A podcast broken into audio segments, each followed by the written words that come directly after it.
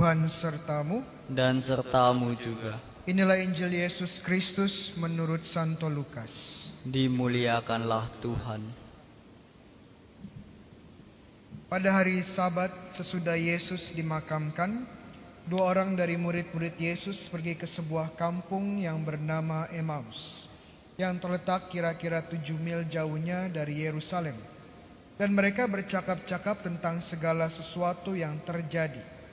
Ketika mereka sedang bercakap-cakap dan bertukar pikiran, datanglah Yesus sendiri mendekati mereka.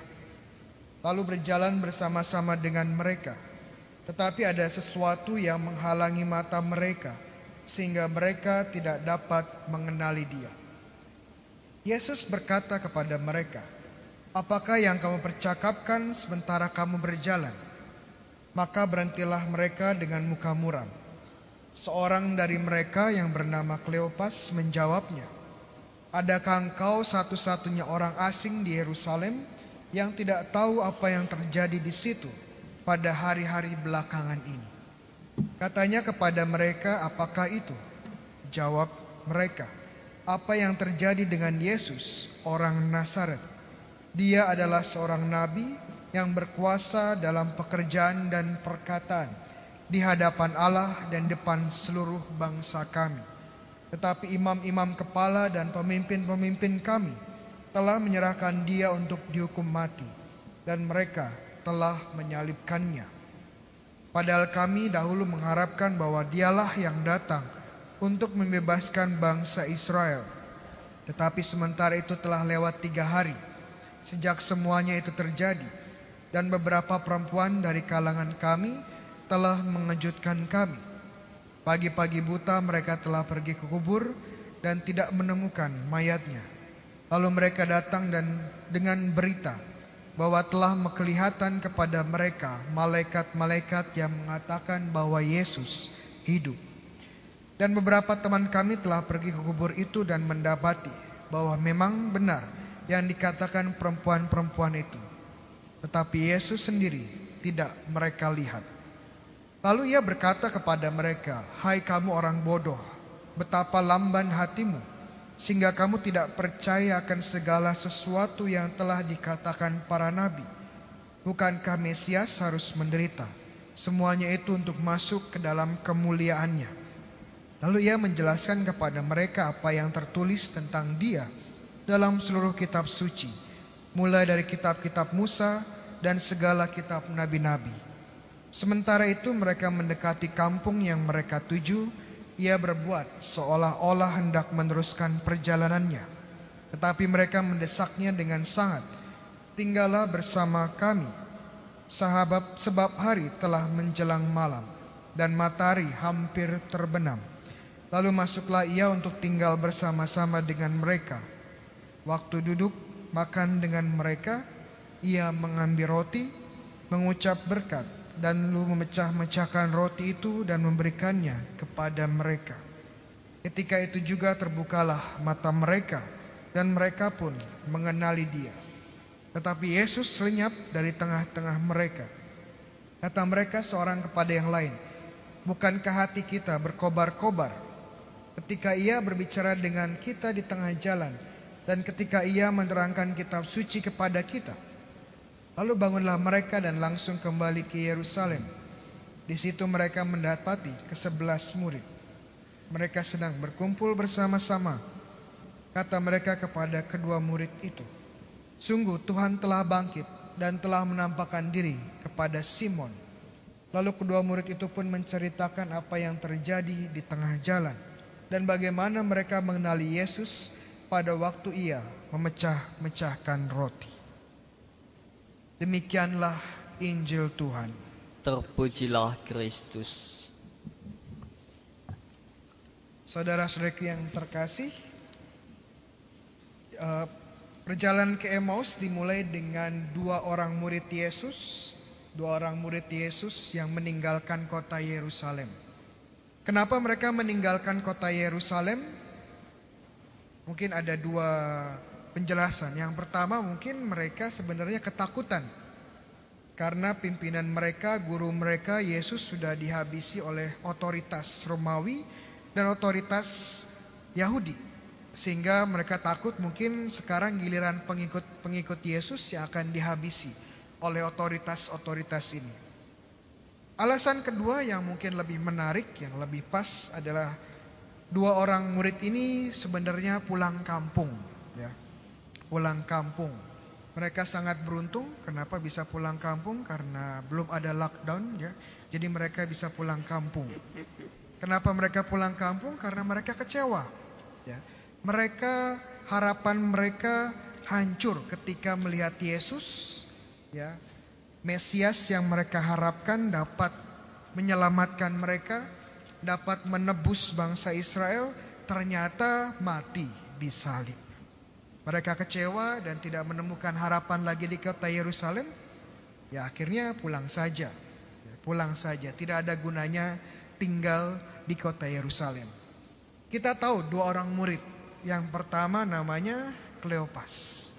Kira-kira yang kedua namanya siapa? Kita tidak tahu tapi kira-kira siapa? Identitas murid kedua kemungkinan besar adalah istrinya Kleopas. Loh Romo tahu dari mana? Ya. Romo tahu dari mana? Ya, kemarin Kleopas telepon saya. Ya. Enggak, kalau kita baca Yohanes 19 ayat 25 dikatakan ada empat wanita yang berdiri dekat Yesus, di salib Yesus. Ada Maria Magdalena, ada Bunda Yesus juga di sana dan satu wanita juga adalah ya istri Maria istri Kleopas. Ya. Itu identitas istri dari Kleopas dan mereka berdua sebagai suami istri merasa tidak perlu lagi di Yerusalem ya pulang kampung saja. Ya. Dan mereka dalam perjalanan melakukan sesuatu yang sangat wajar, ya. Dilakukan oleh kita saat kita sedang putus asa atau sedang mengalami musibah, mengalami masalah. Apa itu? Ya, mereka berdiskusi. Mereka sharing cerita mereka, ya. Mereka mencoba curhat, ya, atau curcol ya sekarang curcol, curahan apalah itu namanya ya, ya, curahan hati. Dan ini bagian penting untuk menjaga kesehatan mental kita. Bagian penting menemukan makna di balik peristiwa-peristiwa dan yang terjadi dalam hidup mereka, dalam hidup kita juga. Suatu hari saya tanya ke teman saya yang kebetulan adalah psikiater.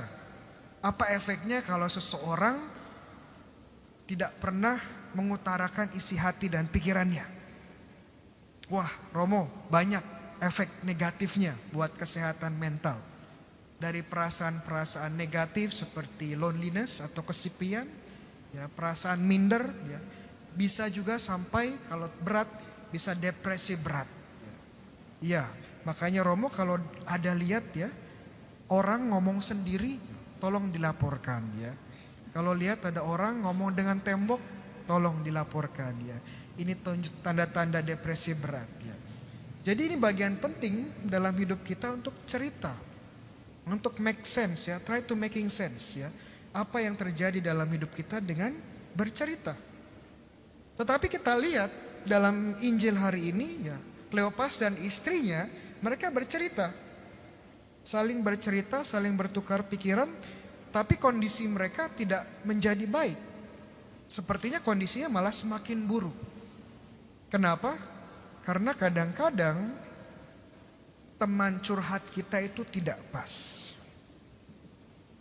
Sehingga awalnya pengen kita feeling lebih baik ya, perasaan lebih baik, tapi setelah curhat malah semakin buruk ya, maka semakin depresi. Ya. Jadi hati-hati juga saat memilih teman curhat. Saat memilih teman untuk bercerita. Karena walaupun mungkin teman kita ini niatnya baik, tapi kalau tidak siap malah menjadi bumerang bagi kita. Ingat kalau kita kembali ke perjanjian lama, dialog pertama, ya, conversation pertama, percakapan pertama itu bukan antara Tuhan dan Adam, bukan antara Adam dan Hawa. Percakapan pertama terjadi antara Hawa dan sang ular. Ya. Di bab 3 kejadian. Jadi hati-hati. Cari teman percakapan ya jangan sampai membuat kita semakin buruk. Puji Tuhan ya kenapa Tuhan hadir. Tuhan Yesus hadir di tengah-tengah mereka, ya. Tuhan Yesus hadir di tengah-tengah mereka dan memberikan sesuatu ya yang kurang dalam percakapan mereka. Apa yang kurang dalam percakapan mereka yang ditawarkan oleh Tuhan Yesus? Iya. Tuhan Yesus menawarkan sabda Allah. Dari cerita mereka satu hal yang kurang.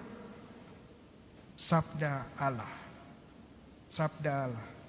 Saya percaya umat Katolik itu sebenarnya tahu sabda Allah. Dan Yesus menerangkan kepada kedua pasangan ini, sebenarnya mereka tahu kitab suci mereka. Masalahnya adalah mereka tidak beriman. Saat mereka tidak beriman, saat kita tidak beriman, kita tidak bisa mendengar dengan baik sabda Tuhan. Sabda ini bukan lagi Tuhan yang berbicara. Ini hanya sekedar dongeng yang diulang-ulang, sekedar mitos, sekedar kisah yang tidak ada dampaknya kepada kita, tidak relevan. Ya, tidak ada signifikaninya. Tidak anak muda sekarang bilang tidak relatable sama kita. Kenapa? Karena kita tidak punya iman. Tidak bisa melihat Allah dalam sabdanya. Saya percaya umat Katolik itu sebenarnya tahu ya isi kitab suci. Apalagi umat yang setiap minggu ke gereja. Kenapa? Karena kalau tiga tahun rajin ke gereja, ya, teman-teman sudah mendengarkan kisah-kisah penting ya, kisah-kisah penting di kitab suci. Tahun A, B, dan C. Kalau tiap minggu ke gereja selama tiga tahun, pasti sudah familiar dengan isi kitab suci. Tapi ya itu sayangnya ya umat Katolik kalau ikut ke gereja ya bacaan pertama itu ya persiapan tidur ya. Mazmur itu pengantar tidur ya. Bacaan kedua siap-siap. Wah, pas homili tidur yang panjang. Atau waktu mendengarkan sabda Tuhan pikiran ke mana-mana. Nanti habis misa mau makan di mana ya? Nanti habis misa kita mau jalan ke mana? Aduh, ini saya lupa tadi cucian belum dimasukin. Apalagi sekarang misa online, semakin banyak lagi gangguannya. Kalau tidak hati-hati sabda Tuhan kita tidak dengarkan dengan iman. Sehingga banyak hal yang sebenarnya Tuhan ingin sampaikan kepada kita, kita tidak dapat. Saat kita melihat kitab suci, melihat sabda Tuhan dengan iman, kita akan melihat Tuhan sendiri yang menceritakan kisahnya. Makanya dalam Injil tadi Yesus menerangkan bahwa isi kitab suci semuanya adalah tentang dia. Loh kok bisa Rom? Iya, bisa. Karena Yesus adalah Tuhan yang sama yang menciptakan dunia. Yesus adalah Tuhan yang sama yang membimbing bangsa Israel di padang gurun. Tuhan Yesus adalah Tuhan yang sama yang mengutus para nabinya untuk membimbing bangsa Israel di tanah terjanji. Jadi memang perjanjian lama ini tentang Yesus. Karena Yesus adalah Tuhan yang sama yang membimbing bangsa Israel. Kleopas dan istrinya mengingatkan kita dengan pasangan yang juga kurang iman di dalam perjanjian lama. Kira-kira pasangannya siapa? Iya, pasangannya adalah Adam dan Hawa. Mereka kurang percaya dengan Tuhan dan pengen melakukan sesuai kehendak mereka sendiri. Dan tetapi kita lihat dalam cerita Adam dan Hawa bagaimana Tuhan sungguh berbelas kasih. Saat mereka melanggar perintah Tuhan, seharusnya mereka mati. Tetapi Tuhan tidak mengizinkan mereka mati duluan. Tidak langsung mati. Dan saat mereka menyadari mereka telanjang, mereka membuat pakaian dari daun apa?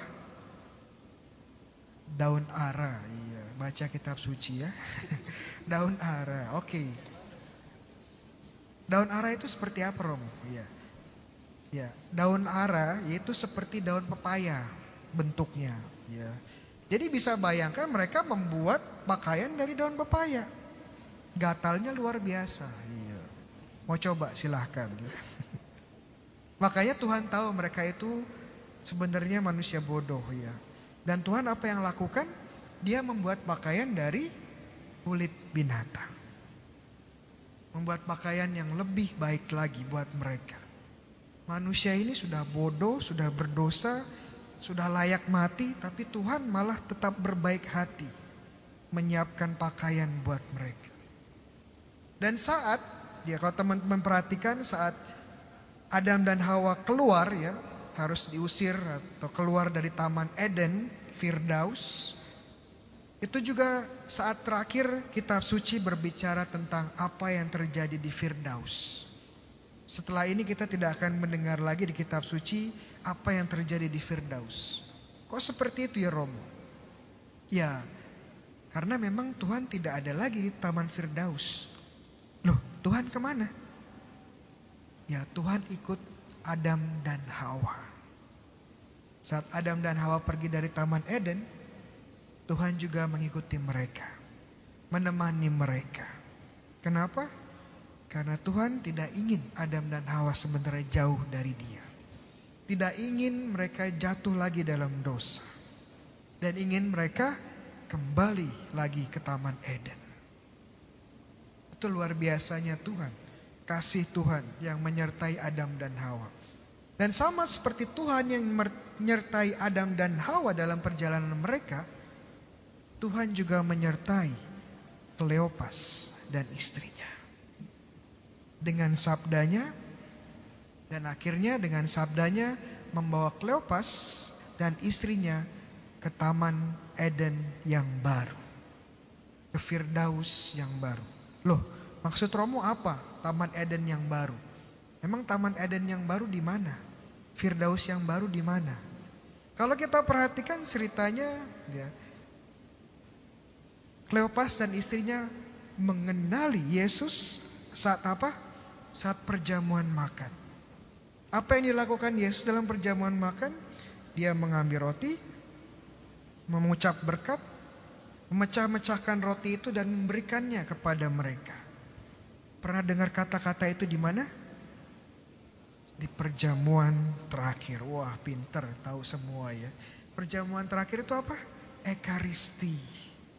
Dan bagaimana kedua orang ini, pasangan ini mengenal Yesus dalam Ekaristi.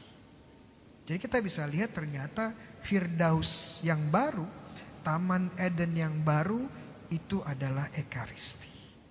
Setiap kali kita merayakan Ekaristi, kita sebenarnya masuk ke Taman Firdaus, Taman Eden. Sayangnya sering kali kita kurang iman. Sehingga walaupun Yesus sangat dekat, kita seperti Kleopas. Kita seperti istrinya yang tidak bisa melihat Yesus. Kurang iman. Saudara-saudara yang terkasih, kisah-kisah hidup kita bahkan yang paling buruk sekalipun hanya sungguh bermakna saat kita bisa melihat Allah menjadi bagian dari cerita kita. Kisah-kisah hidup kita Bahkan yang paling buruk sekalipun secara khusus di masa pandemi ini ya, ada teman-teman yang kehilangan pekerjaan mereka, ada teman-teman yang harus jauh dari keluarga, ya, ada teman medis juga yang sering cerita bahwa dia tidak bisa pulang ke rumah karena harus isolasi diri terus-terusan dan juga ada teman yang sakit, jatuh sakit, ada juga teman yang kehilangan anggota keluarga. Ini adalah cerita-cerita yang sedih. Dan jika kita hanya berfokus pada cerita sedih ini atau berfokus pada diri kita sendiri, ya kita tidak akan menemukan maknanya. Tapi kita diajak pada kesempatan hari ini untuk memiliki iman. Untuk melihat Tuhan dalam sabdanya dan untuk melihat Tuhan di dalam hidup kita.